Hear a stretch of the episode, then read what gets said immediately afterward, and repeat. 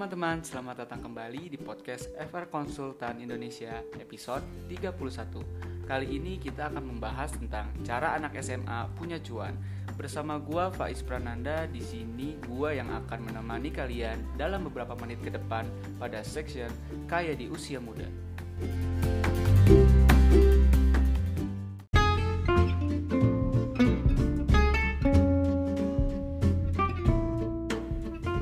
Mungkin banyak dari teman-teman sekolah ingin menambah uang jajan atau buat shopping untuk gaya hidup.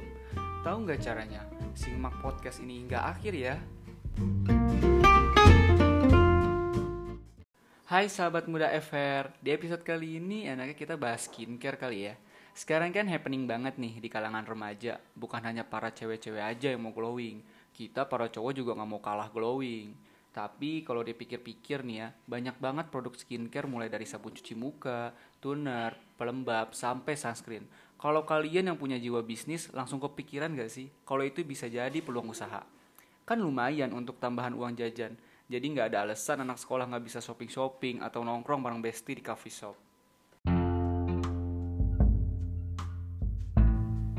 Sebetulnya di masa sekolah itu peluang bisnisnya besar banget dan nggak perlu takut nggak ada modal. Karena biasanya kalau di sekolah lu bisa pakai sistem pre-order.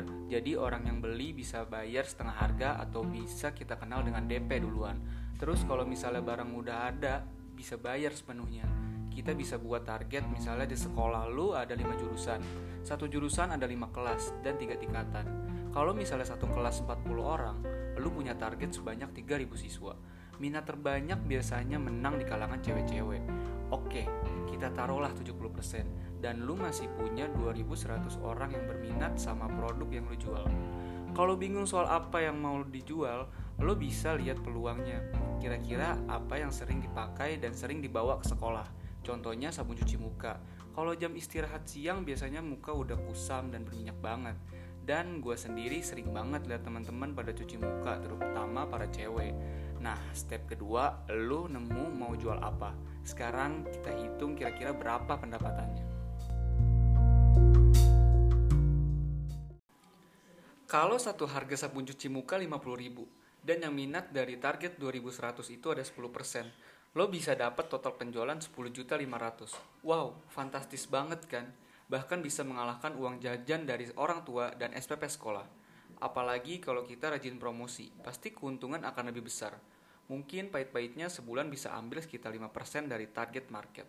Maka 105 siswa wanita kali 50.000, total 5.250 atau setahun 63 juta. Gimana? Yakin gak mau mulai bisnis dari sekarang? Dengan nota brand anak sekolah bukan berarti lu gak bisa sukses. Mari kita mulai dari sekarang. Lebih baik perih di usia muda dibanding perih di masa tua.